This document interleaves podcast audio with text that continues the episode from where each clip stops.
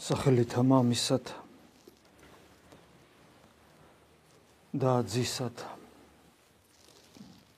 და სული საწმინდისად. დღეს თესალონიკელთა მიმართ პირველი ეპისტოლე იქნა წაკითხული და გვახსოვს როგორ ახასიათებს პავლე მოციქული მოქცეულ ქრისტიანებს მისი და მისი სულიერი შვილების მოციქულებრივი ღვაწლის ناقობს როგორ წარმოაჩენს, როგორები არიან ეს ქრისტიანები და რა საინტერესო აქცენტებია ეს ქრისტიანები არიან, რომლებიც პავლეს და მისი მოწაფეების მიერ მოქცეულნი არიან თესალონიკში არიან ქრისტიანები, რომლებიც მიისწრაფიან რომლებსაც წამთ ცოცხალი ღმერთი. ანუ რას ნიშნავს ცოცხალი ღმერთი? ეს ხო არ არის უბრალოდ სიტყვათა წყობა. ეს არის ღმერთის განცდა საკუთარ თავში როგორც სიცოცხლისა. როგორც უფალი ბრძანებს მე ვარ სიცოცხლე.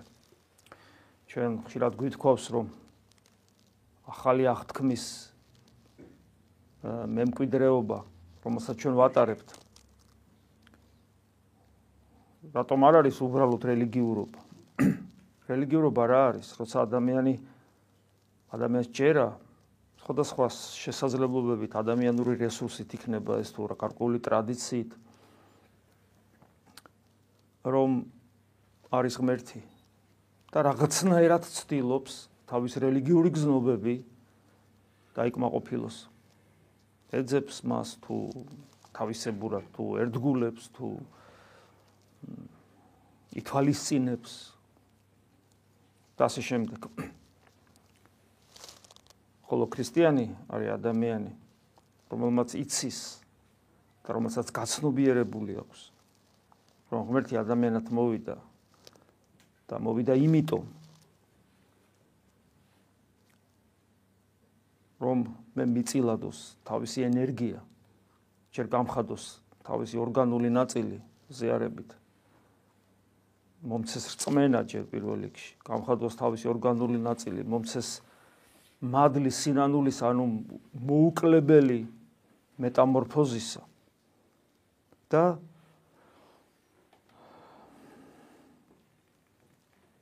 დამკვიდრდეს ჩემს გულში. და როცა ვამბობთ, რომ ღმერთი არის, ჩვენ მას შორს არ ვეძებთ. გრიგოლ სინელს აქვს საოცარი სიტყვები, როდესაც ადამიანი გონების მიერ ლოცვას სწავლობს, ცდილობს ცეცხლი, რომელიც უფალმა მოავლინა, იცით ხო? ცეცხლის მოსაფენად მოვედი ქვეყანად და მინდა რომ ის აწვე აღეხსნას და მრავალი წმინდა მამა ამბობს, რომ ეს ქვეყანა ამ ქვეყანაში იგულისხმება ადამიანის გული და გრიგოლ სინელი ამბობს, რომ ადამიანი გონების მიერ ლოცვით ლოცულობს, ეს არის ლოცვა, სხვა ლოცვა ეს ამ სიტყვის დიდი გაგებით მხოლოდ ეს არის ლოცვა. ადამიანი რომელიც სულიერად გამოცდილია წინწასულია ღმერთთან ურთიერთობაში ადამიანში ადამიანი გძნობს სახთო მადლის მობერვას გულში და ამბობს არა ზემოდან არა მარჯვიდან მარცხნიდან ანუ საიდანღაც არც ზემოდან ხასუს არა ზემოდან არამედ ეს წყარო შიგნიდან ფეთქავს გულში. საოცრებაა, ხო? აი თითქოს გულია წყარო საფრთხომადლისა და ენერგიის. რატომ? იმიტომ რომ ჩვენ ახალი აღთქმის მემკვიდრეები ვართ. ღმერთი ჩვენში დამკვიდრდა. დიახ, ჩვენთან არის ღმერთი. აი ეს არის ყველაზე მნიშვნელოვანი მონაპოვარი ახალი აღთქმისა. და თუ ეს ასია, თუ თუ ეს ასია. ეს ვლინდება ჩვენს პრაქტიკულ ცხოვრებაში. კერძოდ თუ ადამიანი ახალი აღთქმის მოქალაქედ აცნობიერებს საკუთარ თავს ნომინალურად, მაგრამ მთელი მისი ცხოვრება, მისწრაფება, მიზნები ადამიანი უმიზნოდ ხო არ არსებობს. ლუარსაბ თათქარიძესაც ჰქონდა მიზანი. რა ეჭამა იმ დილას. ყველაფერსა, ყველა ადამიანს აქვს მიზანი. უმიზნო ადამიანი უბრალოდ არ არსებობს. თუ მეტაკლებად გონიერება აქვს და უგონოსაც ალბათ თავის მიზნები აქვს შიგნით, რომელიც ჩვენ არ ვიცით.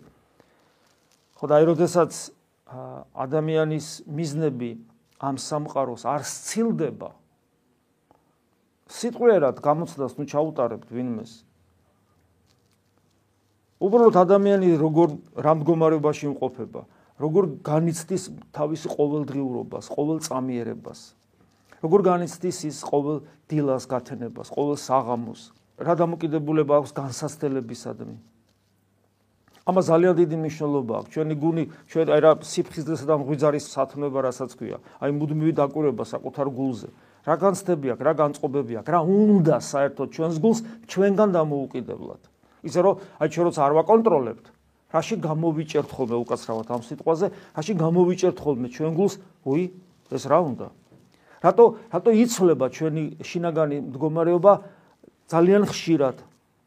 ხან კარგ ხასიათზეა, ხან ცუდ ხასიათზეა, ხან ბრაზობს, ხან მოწყენილია, ხან პირიქით გახარებულია, ხან შვიდათ არის, ხან მრისხანებს და ხშირად ეს ჩვენგან დამოუკიდებლად ხდება. რატო არა გვაქვს ხოლმე და როცა მე ვაკონტროლებთ, აღმოვაჩენთ, რომ ჩვენ არა გვაქვს ჩვენს გარეგან გამაღიზიანებლებზე არა გვაქვს ქრისტიანული რეაქცია.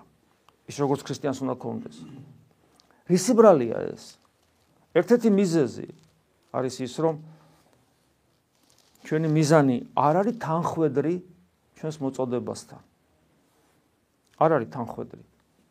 ჩვენ დეკლარირებულად ქრისტიანები ვართ ახალი აღთქმის მემკვიდრე. მაგრამ ჩვენი მიზნებით აცდენილი ვართ.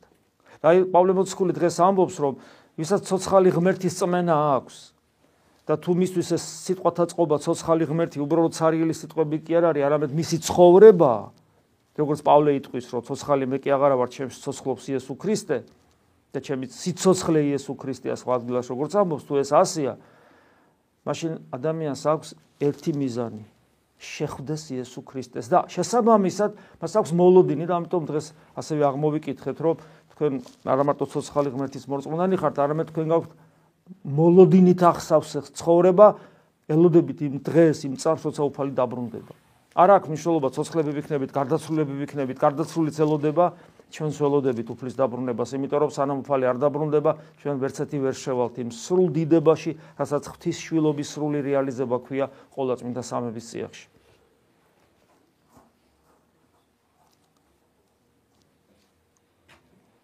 მუდმივი მოლოდინის მდგომარეობა, მუდმივი მონატრება. და ეს მიზანი უკვე ტრანსცენდენტულია, სამყაროს მიღმიერია, იმიტომ რომ უფალი სამყაროს მიღმიერია. ჩვენი ბუნებაც ადამიანური ბუნებაც სამყაროს მიღმიერში გაიტანა, იმიტომ რომ აღსდგა ამაღლდა ზეცსა და დაждდა მარჯვენეთ ღმრთისა და მამის. ასე რომ ჩვენ თავს უნდა ვაკვირდებოდეთ, რამდენად არის ჩვენში ეს სარწმუნოება. ესეთი სარწმუნოება განიცდება, როგორც გითხარით, ჩვენში განიცდება როგორც ჩვენში სხვა სიცოცხლე. ჩვენში განიცდება როგორც სხვა სიცოცხლე, რომელიც ცოცხალი ღმერთია. რომელსაც ჩვენ მეტნაკლებად უკვე უნდა ვიცნობდეთ, იმიტომ რომ იგი მოვიდა და საკუთარი თავი როგორც ადამიანმა დაგვანახა. წარმოაჩინა ის თვისებები, რომელიც თვისებებიც ჩვენ არ ვიცოდით რომ ღმერთს ქონდა, მაგრამ ახლა ვიცით, იმიტომ რომ მან წარმოაჩინა. იესო ქრისტე რომ მოვიდა თეორიები არ მოუტანია რაღაც ფილოსოფიური ტრაქტატები.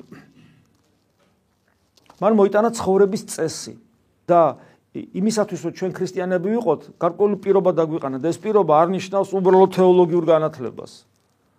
ისწავლეთ თეოლოგია, ვიკითხეთ წიგნები. რა თქმა უნდა, ეს ამის უარყოფა კი არ ხდება, მაგრამ სხვა სხვა პრინციპი დაგვისახა. უარყავ თავითვისი აიღე ჯვარი შენ და შემომიდექი მე. ანუ ცხოვრება მოიტანა და ცხოვრება მასწავლა და მე ცხოვრება უნდა დავინახო და განვიცადო. ხოლო ამ შემთხვევაში შევძლებ მე ჩემი ჩემი გული გაიხსნას მისთვის. და ის საიდუმლოება ღმერთთან ურთიერთობისა, ის მისტიკა ღმერთთან ურთიერთობისა რეალიზდეს ჩემში. ხოლო მაშინ შევძლებ ამას. თუ ჩემი შინაგანი მდგომარეობითაც, ჩემი ფიქრებით, ჩემი აზრებით, ჩემი გულის თქმით, გულის სიტყვით, ჩემი ცხოვრების წესით, ჩემი ბიოლოგიური არსებობით გინაგნებავ, სოციუმში მყოფობით, ყველაფრით თუ ქრისტე იდიდება. ამას კიდევ რა თქმა უნდა გარკვეული ცხოვრების წესი ჭირდება. და ეს ცხოვრების წესი გარკვეულწილად დღეს ლუკას სახარებაში იყო გადმოცემული. მაგრამ როგორ ამბობს? დღეს უფალი როგორ საუბრობს რასაც ლუკა מחარებელი გადმოგცემს არავინ აღანთის სანთელი და დადგის ფარულად. გინდა ხვიმრსა ქვეში ანუ რაღაც მოფარებულ ადგილას არამედ სასანთლესა ზედა რათა შემავალნი ხედვიდან ნათელსა. ეს ჩვენზეა ნათქვამი. არავინ აღანთის სანთელი და დადგის ფარულად. ეს სანთელი ეს სანთელი. ეს ის სანთელია პეტრე მოციქული რო იტყვის რომ ჩვენი ქრისტეს ღმერთობის რწმენა არის ჩვენში ანთებული სანთელი რომელსაც ძალიან უნდა გაუფრთხილდეთ. ეს ის სანთელია. ჩვენ ვიცით ის რაც უდიდესმა უმრავლესობამ ადამიანების ამარიციან მათ შორის არა უბრალოდ არაქრისტიანმა ხალხმა არამედ ქრისტიანული კულტურის მატარებელმა ხალხმაც უამრავმა არიცის ის რაც ეკლესიურმა ადამიანმა უნდა იცოდეს რომ იესო ქრისტე არის ღმერთი. აი ეს არის სანთელი რომელიც ჩვენში ანთია და ეს ჩვენ არ აგვინთია ეს ღმერთმა აგვინთო. და უფალი გვეუბნება ეს არის ცოდნა ეს არის ღვთაებრივი ცოდნა ეს არ არის ინტელექტუალური ცოდნა. უბრალოდ მე ჩვენი ინტელექტი ცდილობს რომ დაეწიოს დაეწიოს იმ ცოდნას რომელიც ღმერთმა მიიღო. აი ღმერთმა მოგცა ეს ცოდნა როგორც ნიჭი. და ჩვენი ინტელექტი მე ცდილობს გნება თეოლოგიის შესწავლით 2000 სლოვანი მემკვიდრეობით რაც ეკლესიამ დატოვა. მე ცდილობს ჩვენი გონება რომ ეს ყველაფერი თავის საკუთარი თავისათვის განმარტოს. გააგებინოს საკუთარ თავს აუხსნას განუმარტოს და მე თუ ამის ნიჭი მისცა ღმერთმა და ვალდებულებას სხვასაც განუმარტოს. მაგრამ ეს სანთელი თავისთავად ჩვენ არ აგვინთი ეს ღმერთმა ანთო. და ნახეთ არ შეიძლება ამ სანთელის დაფარვა. ეს ის დაფარული ტალანტი აღმოჩნდება რომლის გამოც მე თუ დაუფარავთ ამ ტალანტს ჩვენ დავისჯებით ამიტომ უფალი პიტაპრი გვეუბნება რომ ეს სანთელი უნდა იდგას სასანთლესა ზედა რათა შემავალნი ხედვიდან ნათელსა. გახსოვთ? ისე წინავდეს ნათელი თქვენი რომ სხვებმა იხილონ რომ მე ისინი სხვები ღმერთს ადიდებდნენ. ანუ ეს არის ჩვენი ვალდებულება ანუ ჩვენი რწმენა ანუ რომ იესო ქრისტე არის ღმერთი ეს რწმენა ჩვენში ართია როგორც სანთელი და ჩვენ გვაქვს ვალდებულება რომ ეს სანთელი სხვებმა დაინახონ და ჩვენი ანუ რას ნიშნავს ეს დაინახონ ჩვენ ისე უნდა ვცხოვრობდეთ ისე უნდა მოქმედებდეთ ისე უნდა ვიყურებოდეთ. ისეთი ტონალობა უნდა გქონდეს ჩვენ ხმას ისეთი ისეთი აზროვნება ისეთი გნებავთ. სიარულიც კი ისეთი უნდა გქონდეს. ადამიანი ხშირად დადის და სიარულზე ეთყობა რომ ამ პარტავნებით გაჟღენთილია. არის ეს.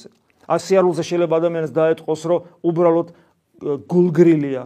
ან სიარულზე შეიძლება დაიწყოს, რომ ადამიანს აბსოლუტურად მობილიზებული არ არის და არ არის კონცენტრირებული და დაშლილია შინაგანი მთელი მის სამყარო. ეს სიარულზეც კი ეთყობა ადამიანს თლიან დგომაზე, როგორ დგას სახურებაზე, წირვაზე და შემდეგ მობილიზებულები უნდა ვიყოთ. ჩვენ დასაკარგავით რომ სადაგვა. ყოველ წამს უნდა ვგლოვობდეთ, რომელსაც ჩვენ კარგავთ. და კარგავთ არათუ წამებს, ხო გესმით? რამდენს ვკარგავ? ეს რა რა დრო არის, როდესაც რა მდგომარეობაა ეს, როდესაც ჩემი გული არ ძგერს იესოს თან, იესოს სახელთან ერთად. არ ახსოვს ჩემს გულს. არ ახსოვს. ის იმ წამსვე მოქმედებს ყველაფერზე. ჩემს სიარულზე, ჩემს მანერებზე, ჩემს აზრებზე, ფიქრებზე, ხმის ტონალობაზე, ყველაფერზე მოქმედებს, როცა ჩემს გულს იესო არ ახსოვს. არადა ეს სანთელი მუდამ უნანათებდეს. ჩვენ გვაქვს ვალდებულება, რომ ეს სანთელი სხვებმა დაინახონ. სანთელი, რომელიც ჩვენში დაანთო, უფალმა ვალდებულება გვაქვს ეს სანთელი ყველამ დაინახოს. ეს ნიშნავს იმას, რომ ჩემი ყოველი წამიერებით, რაც ვარ ამ სოფელში, ვამოწმებდე, რომ იესო ქრისტე ღმერთია. ლოგიკა როგორია? როგორ თუ მე მჯერა, რომ იესო ქრისტე ღმერთია, შეიძლება ვცხოვრობდე ისე, როგორც ცხოვრობ? მე თუ მწამს რომ იესო ქრისტე ღმერთია შეიძლება მე შენ გიყურებდე ადამიანს როგორც გიყურებ. ან რა აზრებიც მომდის შენზე ეგეთი აზრები მომდიოდეს შეიძლება ეს თუ მწამს რომ იესო ქრისტე ღმერთია. მე შეიძლება ესეთი მანერები მქონდეს თუ იესო ქრისტე ღმერთია ამის მართლა მჯერა ხედავთ? ჩემი ცხოვრების ყოველი წამი არის იმის საწინააღმდეგო რაც მე თითქოს მწამს. სად არის ეს სანთელი? ხვიმხსა ქვეშე დაფარული, დამალული, ვერავინ ვერ ხედავს, ვეღარც მე ხედავ, მეც აღარ მახსოვს. აბა სად იქნება ცოცხალი ღმერთის განცდა საკუთარ თავში? აბა სად იქნება მობილიზება, კონცენტრირება იმ დიდ მიზანზე, რასაც ქრისტესთან შეხვედრა ქვია? რა თქმა უნდა არ იქნება. და ვეღარც იმას გძნობ, რომ კარგავ დროს, იმ ძვირფას დროს, რომელიც ერთი მომეცა მე ამ სამყაროში. და ჩემი სულიერი ცხოვრება, ჩემი ლოცვა, ლოცვა საერთოდ არ მაქვს მაშინ. აქედან გამომდინარე და ჩემი ევქარისტიული ცხოვრება ესე მინავლებული. ჩამქრალი შინაგანი სამყარო, ჩამქრალი თვალები, რომელსაც არ აქვს ცეცხლი, არ აქვს სიხარული, არ აქვს ბედნიერების განცდა. ჩვენ ხო ვიცით, როგორ ხშირად ვართ ეს და ნეტა მარტო ესე იყოს. მრისხანებით ანთებული, ეგოიზმით, ესე იგი, დაბინდული თვალები. ჩვენ ხო ვიცით, როგორ ვართ ხოლმე. და მე გახსოვთ ეს ცნობილი სიტყვებია სხვადასხვა מחარებელიც ამბობენ სანთელი გვამისა რომ არის თვალი და ეს თვალი სწორედ არის გვამის თვალი რომელიც არის სინათლე სანთელი ანუ სინათლე სინათლე გვამის არის თვალი ეს თვალი გვამის თვალი არის ჩვენი გონება რომელიც ღმერთს უნდა ხედავდეს და თუ ის არის ჩაბნელებული ანუ თუ ის ვერ ხედავს ჩვენში ანთებულ სანთელს ქრისტიანებს ვსაუბრობ თუ ჩვენი გონება ვერ ხედავს ჩვენშივე ანთებულ სანთელს, ეს სხვა სხვა როგორ დაინახავს ამ სანთელს და თუ ჩვენი გონება ვერ ხედავს ჩვენში ანთებულ სანთელს, მაშინ ჩვენ მთლიანად დაბნელებულები ვართ. და აქ რო სწორედ შინაგან ცხოვრებაზეა საუბარი, მე გახსოვთ რომ ლუკა מחარებელი აგძელებს უფლის სიტყვებს, როგორ როგორ ამხელს ფარისევლებს რომ ჭურჭელი ღმერთმა რომ რომელმაც ჭურჭელი შექმნა შინაგანი გარეგანშო წმენდა შინაგანის მანდარ შექმნა რა თქმა უნდა სწორედ შინაგან ცხოვრებაზე საუბრობს. აი ეს არის კიდევ ერთხელ ჩვენი წმინდა ეკლესიის მიერ მოწოდება რომ შინაგან ცხოვრებაზე ვიზრუნოთ. რომელიც მე არ ვიცი უბრალოდ აი ისე სწრაფად გადის დრო. მე ჩემ თავიდან გამომდინარე ვამბობ ისე სწრაფად გადის დრო რომ მე არ ვიცი რას მოვასწრებ. ჯერ როდის გარდავიცვლები ხო არ ვიცი და თქვა ძალიან დიდხანსაც რომ ვიცოცხლო მე არ ვიცი ამ ტემპი თუ გაგძელდა ჩემი პირად ჩემ თავზე ვამბობ ამ ტემპი თუ გაგძელდა ჩემი უფლის ძიება რომ ის სანთელი რომელიც დაუმსახურებლად მაჩუკა უფალმა და ჩემში აანთო რომ ის სანთელი ზემოთ დავდგა არა ხვიმსაქვეში არამედ სასანთლესაზე და რომ დავდგე და ის ის იყოს მოწმე ქრისტეს ღმერთობისა და ბუნებრივია რომ ეს ყველაფერს ღმერთი აკეთებს. სანთელის ღმერთმა ამინთო და ის სანთელის გაანათებს ხვები დაინახავენ მაგრამ მე მე მე მაძლევს ამას ძღვენის სახით ჯილდოს სახით დაუმსახურებლად მაძლევს და მაგ ამით მაცხონებს და ეს რომ მოხდეს, ეს რომ მოხდეს, ჩემი ცხოვრება სხვანაირი უნდა იყოს და ამას ამას ჭირდება დრო და პირველ რიგში რაც გითხარით, ეს სანთელი მე უნდა დავინახო ჩემში და მე მას მუდამ უნდა ვხედავდე. ანუ მე მას მუდამ უნდა განვიცდიდე. ღვთის განუცდელობა ღვთის განუცდელობა არის ის რის გამოც გლოვობდნენ მუდამ წმინდა მამები. აი გლოვარება რასაც ქვია საკუთარ მკვდარს ტირი ვართ როცა ამბობენ. რას ნიშნავს ეს? როცა სული ვერ განიცდის ღმერთის ჩვენში მყოფობას სული არის მკვდრის მდგომარეობაში და მე ვტირი ამ ჩემს სულს და ვტირით ჩვენ აი სერელე ცხოვრობით როცა ვცხოვრობ ჩვენ გვაქვს ეს გლოვარება? არა გვაქვს ეს გლოვარება. რამდენი რამე გვაკლია იმისათვის რომ ნამდვილი ქრისტიანები ვიყოთ? და დრო კიდე როგორც გითხარით ძალიან ძალიან ძალიან ძალიან სწრაფად გადის, ძალიან სწრაფად გადის. და წარმოგიდგენიათ, აი აი ახლა მე ამ მდგომარეობაში რო ვარ, აი ამ მდგომარეობაში რომ ვიცოდე, რომ აი ახლა უნდა რამდენიმე წუთში გარდავიცვალო. განაშიში ზარი არ დამეცემა, იმიტომ რომ აბა აბა მოვასწარი? უფალო მოვასწარი მე შენი გაცნობა? და გესმით, თუ მორწმუნე ხარ, თუ თუ ურწმუნო ხარ, ისე დემონური შიში შეგიპყრობს, ცხოველური და პირუტყული შიში და იქ არაფერი არაფრის შესაძლებლობა არ გეძლება და თუ მორწმუნე ხარ, ალბათ იმის შიში შეგიპყრობს, რომ უფალს ისი არიცნობ, ან საერთოდ არიცნობ და რამდენს მოასწრა, როგორც დოსტოევსკი აღწერს გარდაცვალების ბოლო რომ დახვრიტონ და ბოლო წუთებს და რომ ყოველი წამი რაში გამოიყენოს, ალბათ ეს ესე თუ იქნები კიდე კარგია, რომ ყოველი წამი, რომ ეხლა მაინც, აი ეხლა მაინც, ეხლა მაინც შევხვდეთ ჩემს თავში უფალს. და ხო ხვდებით რომ ეს ესე მარტივი არ იქნება.